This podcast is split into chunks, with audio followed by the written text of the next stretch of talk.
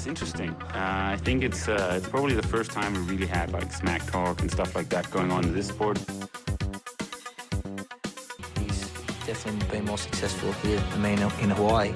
But I've beaten him up many times, and he knows that when all the people aren't around him patting him on the back and he looks at himself in the mirror at night when there's no one else, he knows I'm the real deal. Some people talk and they never won Ironman in Hawaii, so I could talk. I won twice.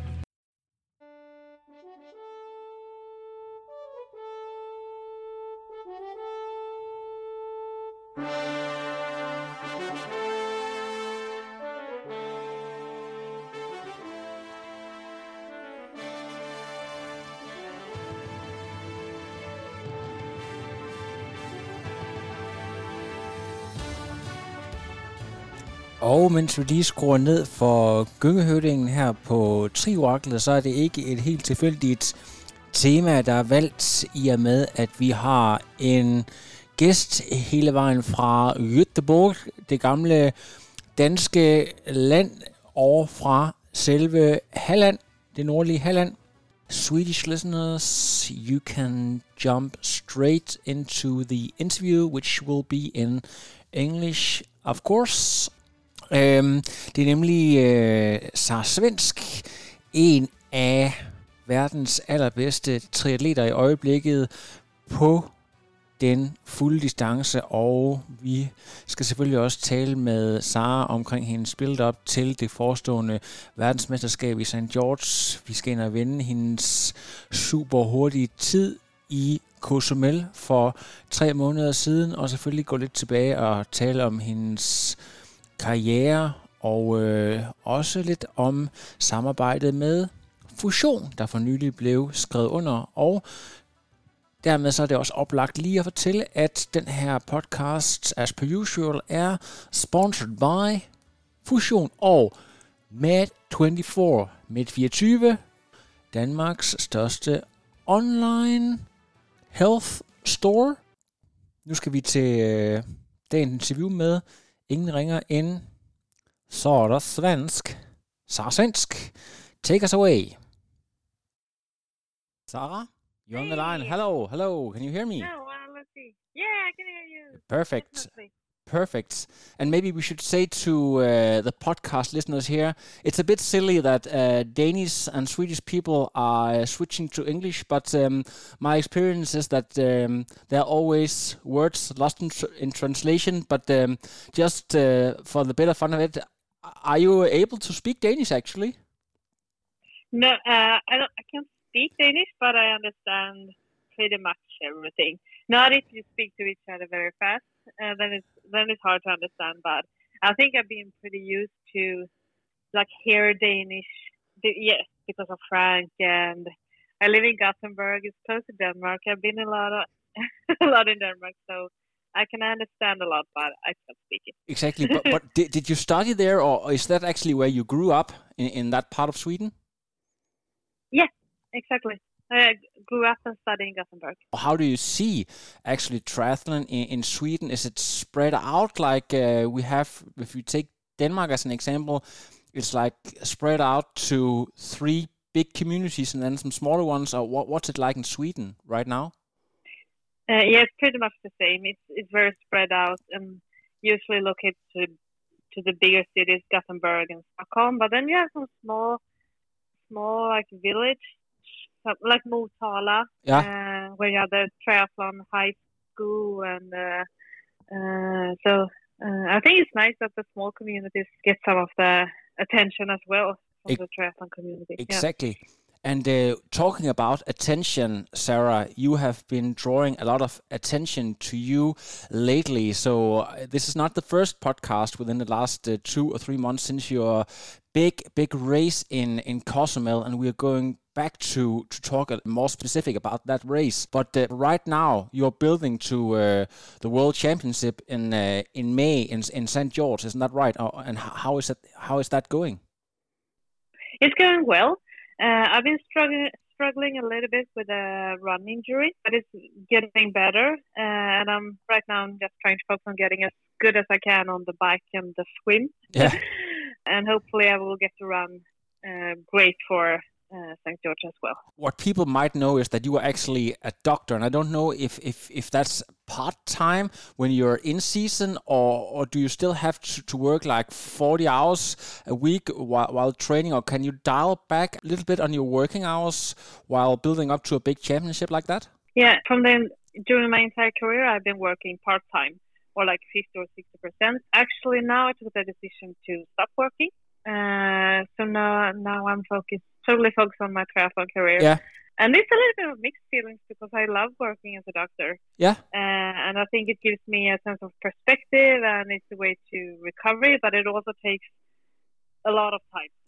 Exactly. It takes a lot of energy. And the, the the funny thing you can say, uh, I I've also talked to uh, Rasmus Svenningsson a couple of times, also a doctor. But my question here is, if you really want to strive for these big big achievements, the championship races, is it really possible nowadays to have a part time job, or do you think it's really it, re- it has really come down to that that people they are 110% into to this sport to do well Yeah, I think it's impossible to have. Uh, of course, you can work a little bit, and Mm. as a professional athlete, you have to do work outside, uh, or like something with triathlon or something. You have to work for for it in anyway. But having a, a job like a doctor, I think actually is impossible. And, and it's funny you mentioned Rasmus because when he started, uh, he asked me, oh, Sarah, is it possible to combine working as a doctor and being a professional? I said, no, no, you can't do it yeah and and he actually listened to my advice, but I did not listen. it took me five years before Yeah. I listened to my own advice. Yeah.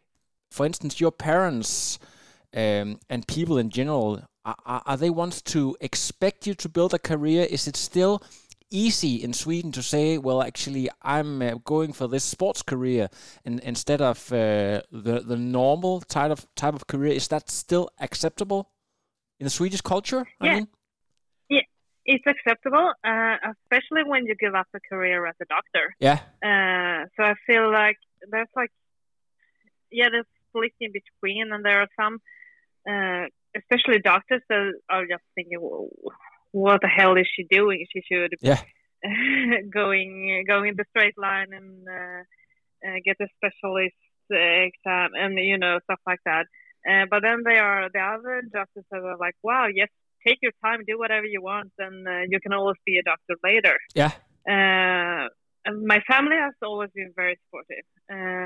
They love that I'm doing what I love. Yeah. Uh, So it's um, but you, you you don't have any regrets as of now, but but still we have to remember that you have actually done quite well to to say it the least, while still uh, being a, a doctor in the part time. For instance, your results in Barcelona, as I recall, in 2019 was was done while you while you were still uh, working as a, as a part time doctor, right? Exactly. S- mm. So, so what, what I can take from that is, if if you have that level while working part time, the sky is the limit, so to speak. yes, I think so. Yeah. But- I agree. L- l- let's let's go back to uh, to talk about uh, the race in in Cozumel because uh, that was a fast day, obviously, and uh, uh, Kristian Blummenfelt he um he caught a lot of uh, attention, and people maybe sort of forget, hey, there's this this Scandinavian girl who who was also blitzing fast. Did did the results came as a total shock to you?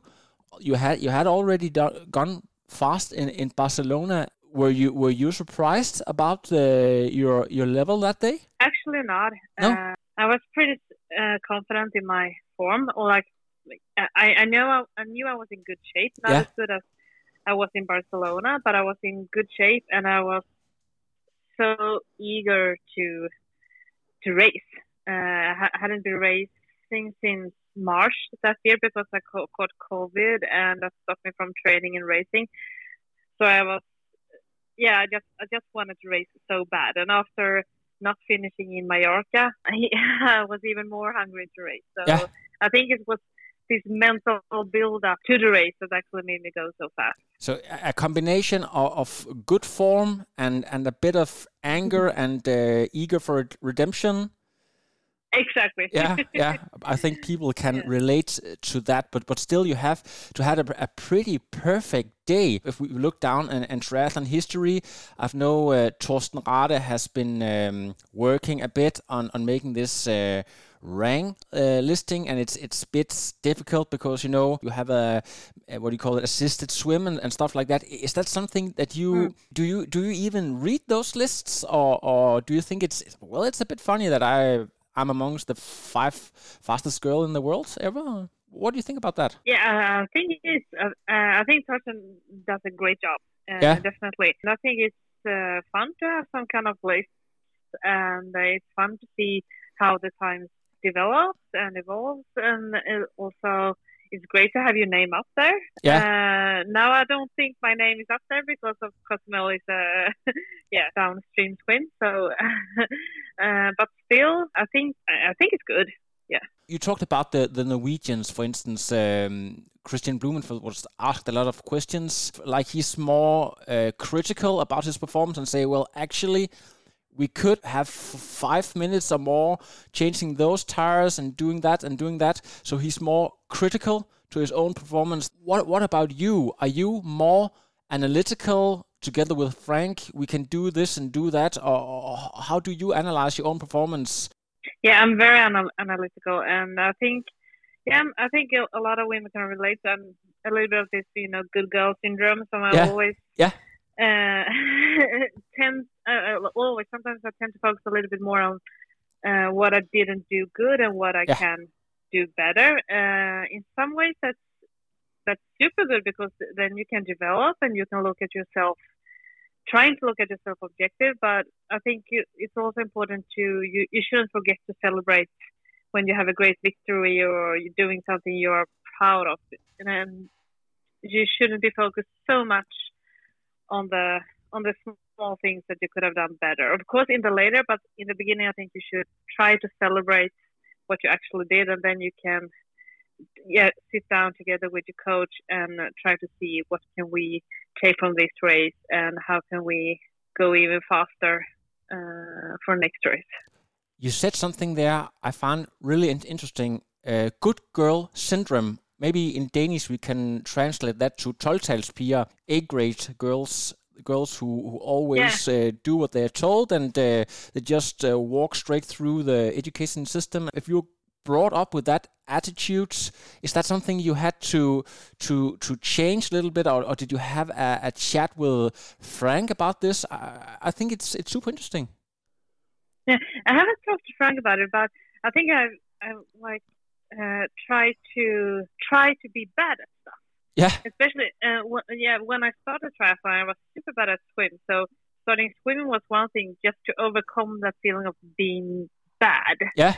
Uh, so during med school, I have this one rule that I started one new sport every single year, just to become, yeah, training to be bad. Uh, and it's actually pretty nice because when you're bad, the develop curve is very steep. So- you get good so fast, and it's very nice.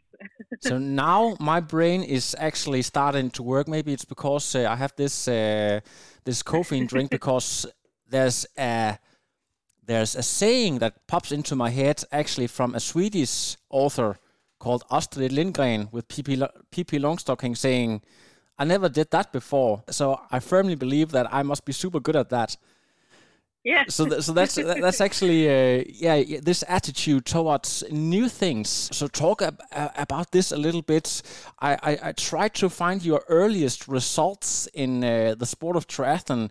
So was that actually 2015 around those years? You did all sorts of of sport and, and then uh, you, you you just signed up for the world championship in, in sweden uh, firsthand or, or what happened there? Yeah, pretty much. Yeah.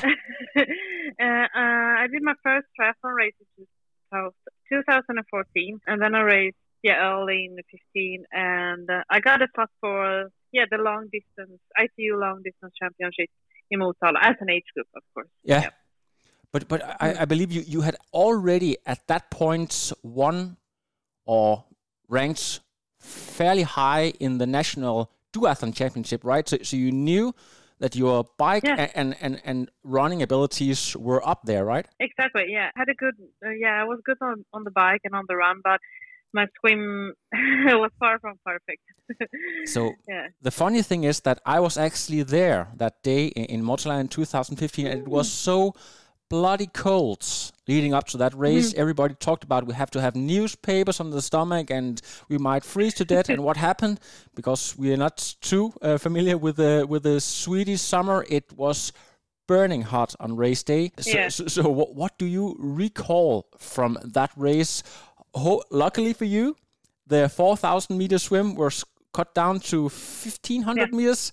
And, and, and you, you just you, you were just flying or, or, or can you recall uh, the race there? Yeah, I remember I was pretty happy about the the shortening of the because the the water was freezing. Even if the even if the temperature was high, uh, but the water was freezing. Uh, and for the bike, I think it was it was a nice course. I remember it was a lot of people Yeah. in the course, and there was a lot of Japanese people.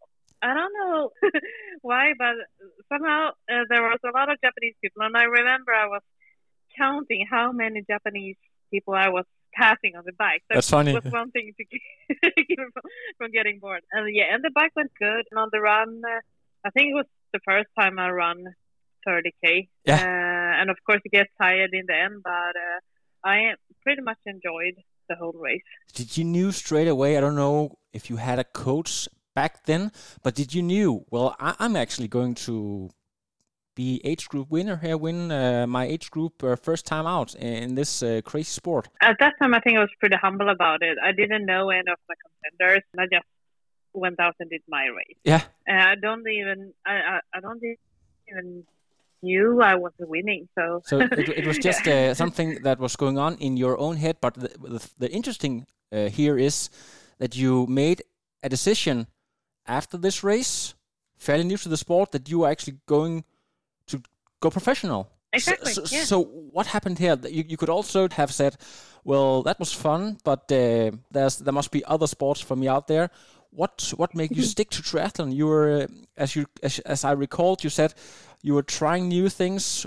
What what did you love about triathlon enough to make the decision to go for a career here? Uh, well, I love I love the challenge, and I still love the challenge, and I love that it's that it's three sports. Uh, Yeah. You have always something to develop, and uh, it was I think it was pretty much love at first sight when I started with triathlon. Yeah. and I really enjoy racing, and I can see well I can see myself doing other things later, but for now I can't see myself doing anything else a triathlon actually. So it was just uh, uh, I didn't think much about it. I just knew I, I wanted to try this sport Yeah. and try to see how, how good can I actually be. Yeah. And to see how good you can be, you have to race the best. Looking at your first years, 2016, 2017, it's not that you're bad. You're up there with uh, a fourth place and a fifth place uh, in, in, in quite big Ironmans around the world. But it's not until you start working with Frank in 2018 that your results are really starting to come around. I understand that you, in the beginning, were actually working with three separate coaches.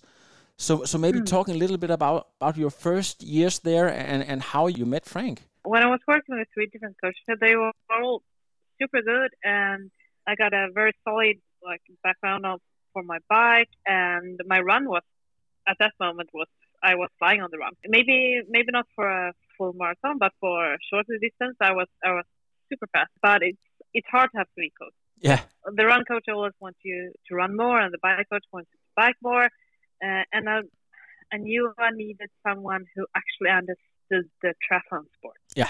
So I talked to a friend of mine, Annie who was coached by Frank, and uh, she told me that he was looking for new adepts. And Frank actually contacted me, and then we have a long chat for like two hours, and then we decided to work together. Yeah, Yeah. exactly. Yeah. Interestingly, when I've met Frank a number of times, and he he comes around as this nice hippie type, but but talking to some of his athletes like Michelle, uh, Jens Petersen Bach, other athletes say that he's actually a big big volume guy. He's it's actually quite hard being coached by Frank, and and you at that point were still working part time. So, so how did you Mm. manage that? I think it was more of a uh, challenge for Frank. Really? Having to to to fit, the training into my program, Uh, and I I'm not doing as much as volume as his other athletes. Okay. Uh, yeah, for, for the big races, of course, when when I don't have to focus on work, but when I worked, I didn't do as much volume as the Mm. other ones. I actually also did a bit of talking with Frank behind your back a few years ago. You you were racing in Denmark in Herning, and and uh, Frankie said, "You won't believe this girl how good she is." People who are doctors, they, they like to tell everyone that they are actually a doctor. She, she's not like that at all. She doesn't make excuses. She does what she's told to do. Do you see yourself as a perfect student of a coach like Frank? Yeah, uh, definitely not. Yeah, okay. I think I'm one of uh, I think I'm one of the hardest one for him to coach actually. Yeah. Uh, in the be- in, in the beginning, I was a good student and just did, did what they told me to do. but uh, then then you the, yeah you know the relationship grows and I questioning a lot. Ah, you're, you're lot every. Why, why do we have to do this? Why do we have to do that? Yeah, exactly. Can, Yeah. can we do this? Can, and then and Frank is great. He always has an answer. Yeah. And if I don't agree, well, then maybe I don't agree. But we, then we have to come up to a compromise and and see what works best for both of us. Yeah. Uh, so there's a lot of talking. Uh, but my training peaks are all green. Yeah, yeah, of course. At least, yeah. The good girl syndrome again, a Uh, little I- bit. Exactly, yes. Yeah. I do the work, but but I want to know the purpose of a training session. Ah, okay. And So uh, you ask questions, but you don't make up excuses for not finishing your training. exactly. Michelle Vesterby, also um, working with Frank uh, a lot of years, she uh, had her famous fourth place finish uh, in Kona one year. And I realized how detailed they were working on each part of that race. Like everything, everything around the race, every section was thought through. So is that also your experience that when you go to, for instance, Cozumel or Barcelona, one of these races, that's no stone is left unturned? Definitely, Yeah. definitely. And uh, I think there's, I feel, uh, I feel more safe when, when you do it like that because then you, at least you have done everything you can to minimize the risk for something going wrong. And then of course, well, shit happens and you can get a puncture even if you have done everything right. But Mhm. uh, at least you are going into the race so well prepared and hopefully more prepared than the other athletes. And from that point, you have an advantage, a mental advan- advantage at least, Yeah. uh, for knowing that you are as prepared as you can be for this race.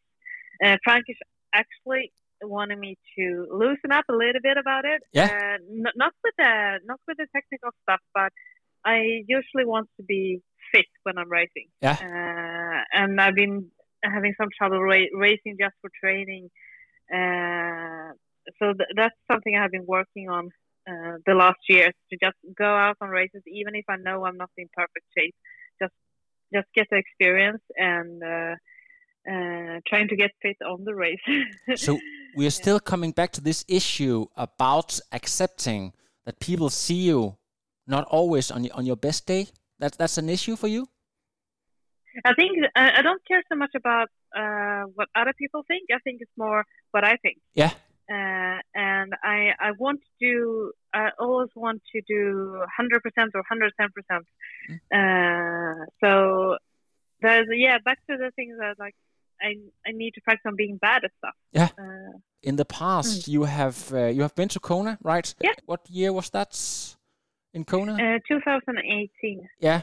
And uh, I think you ended up with a DNF. So was that because of illness or just uh, uh, a typical rookie mistake, or what happened there?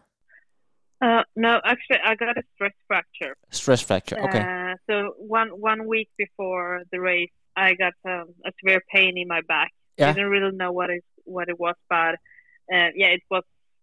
I was not capable to finish the race, so Yeah. I only did the swim. when I look at all your results, you tend to do much better in a race like Barcelona, Cozumel, and in big championship races. It's a little bit different, also because of the race dynamics, and maybe the swim is a bit more important obviously athletes have become a little older and balance of power have changed a little bit. Where do you see yourself in the mix amongst the top girls? Ah, uh, that's hard. Uh, I think I could be on in the big swim group. Yeah. Uh, of course, you will always have Lucy Charles leading the swim, and then you will have the second pack with maybe maybe just a few athletes, and then you have the big group. Yeah. Uh, I think it will probably be in the big group or in the second pack. Hopefully, in the second pack. Yeah. And uh, then I'm getting better and better on my bike. So I think I could be one of the girls who are pushing the bike, Yeah. actually. And if we are a big group of strong girls on the bike, I think it would be very interesting. And then it will all end up with the run. And uh, yeah, who has the best run? Yeah. You- You are a sub three hour marathoner, also uh, off a really hot bike. So do you think that, that you will have to improve even further, go even even faster to, to be where you want to be, or are you pretty satisfied with, with the level you've shown in, in for instance, Cozumel? No, I think I have to go faster. Yeah. Uh, and you see how uh, how fast uh, the women field are developing, and you have seen some super fast time for the marathon. Uh, Anne Haug, uh, Laura Philipp, and Kathleen Matthews, they are just flying. Yeah, exactly. You- uh, doing sub 250. So I think you, if you want to be up there and you don't have a swim like Lucy Charles, you need to go near near 250. Would it be wrong of me because I, I looked at some of the other girls and actually Kat Matthews is is maybe one of the athletes I think maybe closest to to your uh, strength. If you maybe she's uh, she has proven to be a, a tiny bit faster on the marathon, but but she's also incredibly strong on the bike. Can you see yourself uh, in in parallel with her? Definitely, Yeah. and I would love to race her. I Yeah. think we we could have a great battle. Yeah, Uh, yep, exactly. it would be super fun. Mm. I don't know if did, do you do you follow races you're not racing yourself? Do you follow the sport pretty closely? Not super closely, but I follow. Yeah, it's because um, I saw uh, 70.3 Dubai and um, Daniela Ryf and uh, Laura Philipp, they were racing one another. And uh, Laura Philipp, everyone knew that she was coming fast from behind. But do you think that we are actually to seeing a new generation coming in here, taking over? Anne Haug is, is 39. Um, is, is the new generation coming right now? Do you see a, a shift in dynamics? Yeah, I think you're to- totally right there. I think we are seeing a shift. Uh, there are some new, hungry, super strong females that are, yep, th- they want it and they want it bad. so we are going to see a shift. Yeah, I'm exactly. sure about that. And, and you are 33 right now. I think Kat Matthews is maybe 30, 31. It's, it's, it's a bit odd in triathlon. If, if you are 30 to 33, you're considered young, right? Yeah. In tennis or in gymnastics, you have you had been retired long ago. Uh, but but in this sport, you're actually still considered young, and that's that's the the, the beauty about it.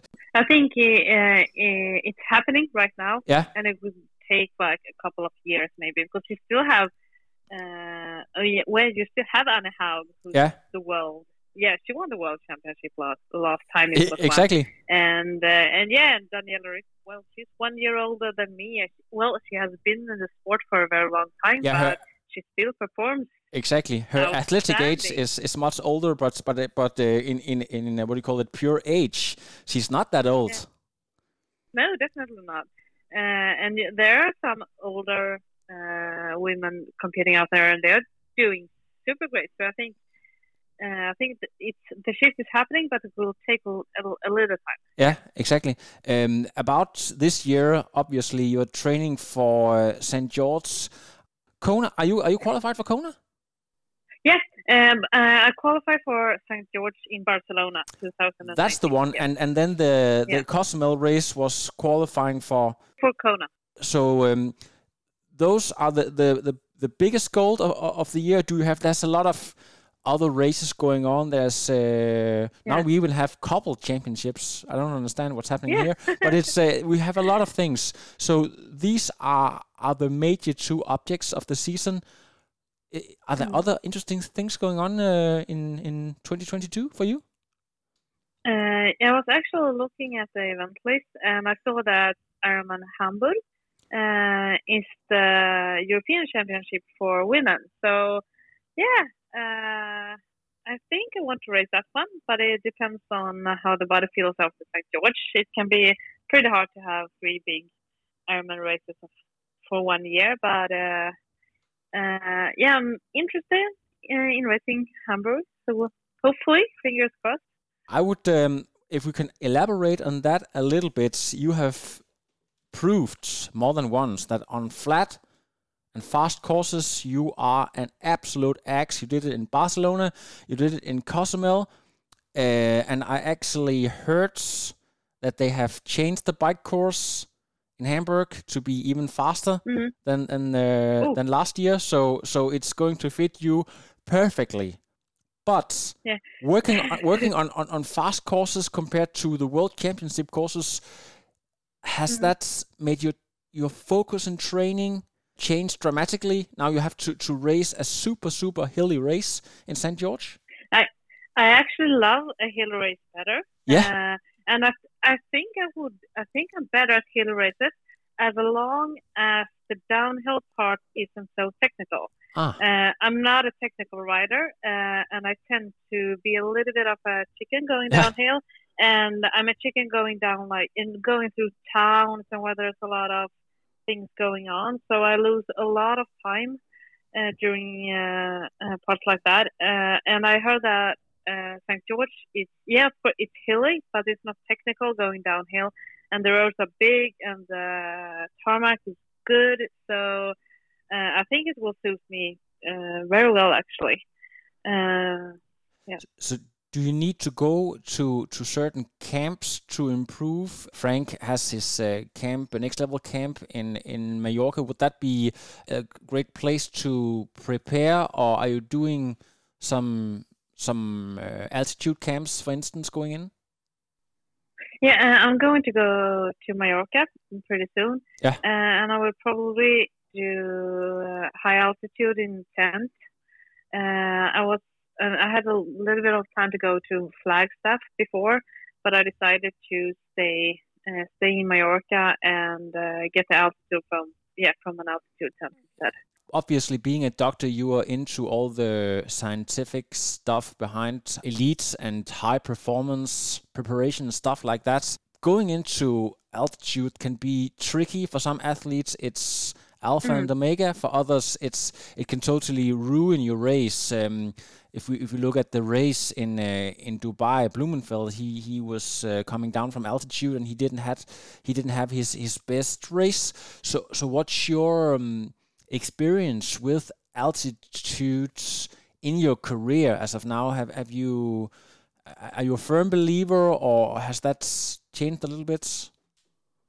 I actually never tried uh, high altitude training myself. I only use the altitude tent. Oh, Uh, and I noticed uh, quite a big development using the tent. Uh, so that's one of the reasons I, I didn't want to go to, to, to live on high altitude because I, I actually don't know how my body will respond. Mm. Uh, so with the tent, I know, and for a big race like St. George, I want to be, I, I don't want to gamble anything. So, well, uh, with that said, um, I think you can benefit from high altitude definitely, but I think it's pretty individual, and you have to, uh, you know, like get the days right. Mm. Uh, I know that I have some a lot of runners friend friend, uh, and they love going up to altitude, and some of them are like, yeah.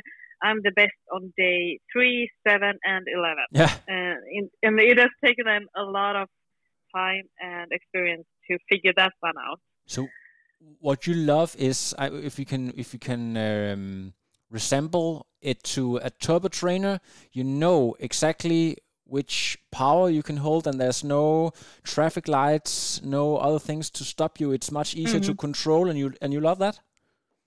Yeah, I love that. Yeah, exactly. Talking to another Swede, uh, Rasmus Svenningsson again, I was amazed by his lifestyle, living in this apartment in the middle of Stockholm, and uh, he have he, uh, he's living with his dad, who is super supportive of his career. Everything is is lined up for him to to go one hundred percent for this career. So so what about your everyday life? Is that like okay from the time I get up in the morning and to I go to bed, everything is in a line have you what what have you done to to optimize uh, your professional career? Uh, well, first I stopped working. Yeah, yeah that's uh, gives me gives me especially more time to recover. Yeah. Uh, but then I I I try to listen to my body as much as possible, and uh, if I have a hard session, maybe in the morning, uh, and I know I haven't been sleeping well, uh, and I feel super tired, in the morning. I, I I talk to Frank and I change the session, or I do the session in the afternoon instead of the morning, trying to get a power nap in and seeing if I feel better. So I always try to, uh, I always try to optimize the training sessions after how I feel. And sometimes it's not, usually it's not skipping a training session. Maybe sometimes that's what you need to do, but change it up a little bit uh, to fit your, uh, fit your form for the day. Yeah, and of course sometimes you can feel super tired. Yeah. But then you start then then you start the training session and you feel good, and then you just go. So yeah. I, I think it's uh, it's perfect, but you've been um, studying for a long time. Obviously, you also want some intellectual stimuli. You want to you want to have books. You want to have knowledge. Um, so so how do you still keep yeah make your brain happy uh, when when you hmm. when you uh, on the other hand are trying to make things as simple as as possible um, with with focus on, on your sports career. Yeah, uh, I like to read. Yeah. Uh, so I yeah I read a lot. That's is is it po podcast or, or, sound books or, or actual old fashioned books? Uh, all three of them: podcasts, sound books. Yeah. Uh, yeah, and actually books. I I like to actually read books because then you you don't do anything else. If you listen yeah. to a podcast or audiobook, you are always doing something yeah. else. Uh, but if you just sit down and read a book, then you can relax your body and you just need to have your brain work. That, that's a super good point. I never thought about that. Uh, that's actually maybe why I, I Swift podcast myself. I'm not that good at, at uh, sitting still, but it's a, a, super good point. If you want to to rest, uh, an old fashioned book is, is is maybe slightly better. So so is that uh, is it Dostoevsky or something on a really high level, or what kind of literature are you are you into?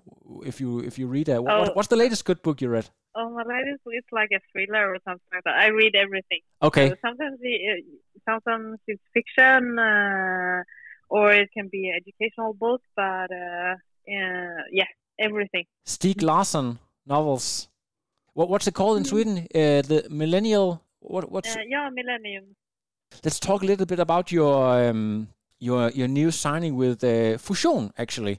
Going into a collaboration with with a big brands like uh, Fusion what what do you look at? Uh, is that the high performance stuff with the with the speed suits or is it more like uh, comfy clothes or what's important to you? For me uh, performance is always yeah.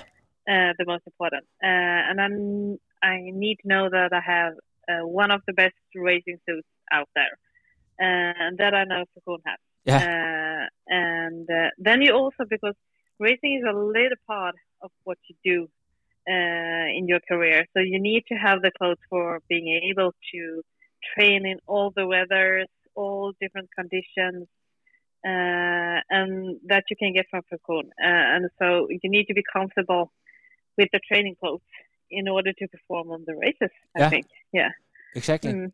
I'm a heavy sweater myself. I'm, I'm really heating up also in the winter, and my experience is that the the clothes from Fusion is actually making it's possible for me to actually perform better even on training sessions because it's easier for me to to get rid of the heat uh, stuff like that. Mm. Do you have the do you have felt that experience as well?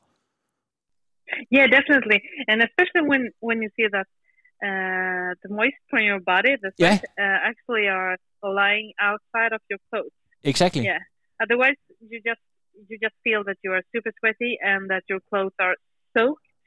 But with Cocoon, uh, they're more like a layer of a little bit of sweat outside the clothes, but you feel not dry because they, you can't be completely dry, but you feel you are drier and uh, yeah, you can transport the sweat even better to be honest, I always thought it was a, a marketing scheme, something everybody said, well, this mm-hmm. is that good and this that's good. And then I, I tried actually to, to go to some of uh, our, we have this triathlon club and uh, we have some quite intensive uh, running sessions like, uh, I know, uh, Nelker in uh, Stockholm, Terrible Tuesdays, mm. similar, a bit similar to that.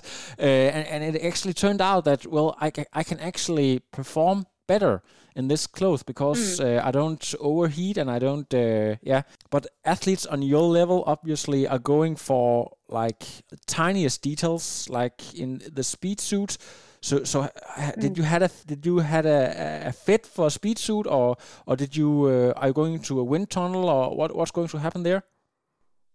Uh, yeah, I think uh, Frank, me, and some couple of other athletes will go to the velodrome in Palma. Yeah. Uh, and try uh, different suits and uh, different yeah technical technical things on the bike and stuff yeah. like that. And yeah, it's going to be interesting. I haven't done anything like that, so it's going to be super interesting. Do you believe that it's it's a, a step a professional top athlete in two in 2022 have to go to to actually fight for the top spots to to go into those details as well? I think it's important. Yeah. Uh, and I think you can uh, just like tune in some fine details. Yeah. Uh, but I think it's more important that you get the training done. Yeah. uh, ah, of yeah. course, aerodynamics and stuff like that has a huge impact. Uh, uh, but it's not all about being as aerodynamic as possible. You also need to produce the power in the position for a very long time, and maybe you don't try going in the velodrome for five hours and see how you actually respond the last hour uh, in that position uh, with that power uh, stuff like that. So uh, I think you, you you can get a lot out of it, uh, but you need to know that it's it's not like it's not it's not what's going to uh, be the biggest part in the in the end if you see the bigger picture. But when well we we try to find these small things to yeah. be better, uh, and uh, uh, and if you can find those things, you you at least you can improve a little bit out of it. Yeah, exactly. I, I, I personally would would hate it because I'm I'm not really into. I, I like you. I, I also just like to get training done uh, to be quite honest, I would gladly lose two to three minutes if I didn't have to go to uh, velodromes and uh, totally geek on that. But uh, but then again, I'm also just an age grouper, so so I was just mm. curious to know if you really are, are, wanting to win something that that was something you really had to do. But but you are you're still a, a believer that actually doing your training still counts more than totally geek on those numbers. Yeah, definitely, definitely.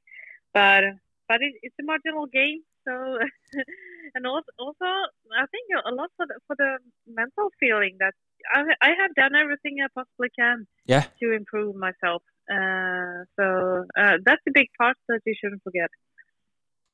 That's perfect. Um, if people want to follow you, are you big on Instagram or what's the easiest way? Do you you, you don't have a, a YouTube channel yet? Uh, are you are you planning no. to, to have one or what's? Uh... Uh, I'm not sure. I think it's an inflation with the YouTube channel. Uh, me myself, I'm not so interested, so I don't look at the YouTube channel. No. so I, I I watch some uh, you know, the ones who are first. Like I, I love Eric and Paula because I think uh, what they have done is great, and they have this lovely background. and if I should do a YouTube video down here in Gothenburg, it would just be grey and boring. And Yeah. I'm not. I'm not sure anyone would love to see that. you have you'll have to move to uh, southern France or, or somewhere people uh, would love to see, but uh, but but but still, uh, uh, Svensk Sar, which actually is the opposite of uh, your actual name. Uh, that that's your Insta- Instagram. Are, are you um, updating weekly or, or only when uh, when races are coming up? Or Uh, I, I try to update weekly. Yeah. Uh, definitely. Yeah. so uh, so So Sven- that- I think it's the easiest way to follow me. Yeah. the handle is Svensk Sar. Exactly. apart from uh, Fusion, uh, do you have uh, other new cooperations that you will uh, like to promote? Yeah, I, I recently signed with ARK. Uh, it's a Swedish uh, wetsuit company. Yeah. Uh, wetsuit and swim gears.